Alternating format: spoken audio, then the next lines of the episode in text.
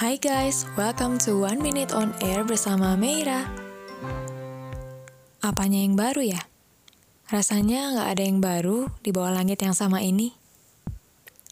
Dikutip dari artikel BBC News, setelah era pandemi COVID-19 akan ada sistem flexible working.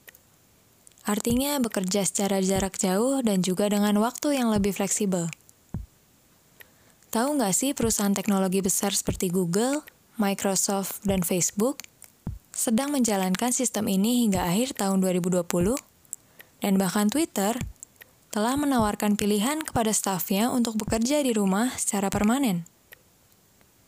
Sistem work from home ini dikatakan dapat meningkatkan efektivitas pembagian waktu seseorang untuk mengurus pekerjaan dan kehidupannya, atau istilahnya work-life balance.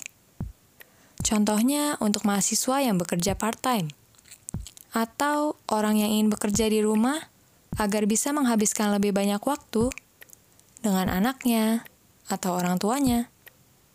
Wow, menarik ya. Gimana nih pendapat kamu tentang work from home? See you on next episode.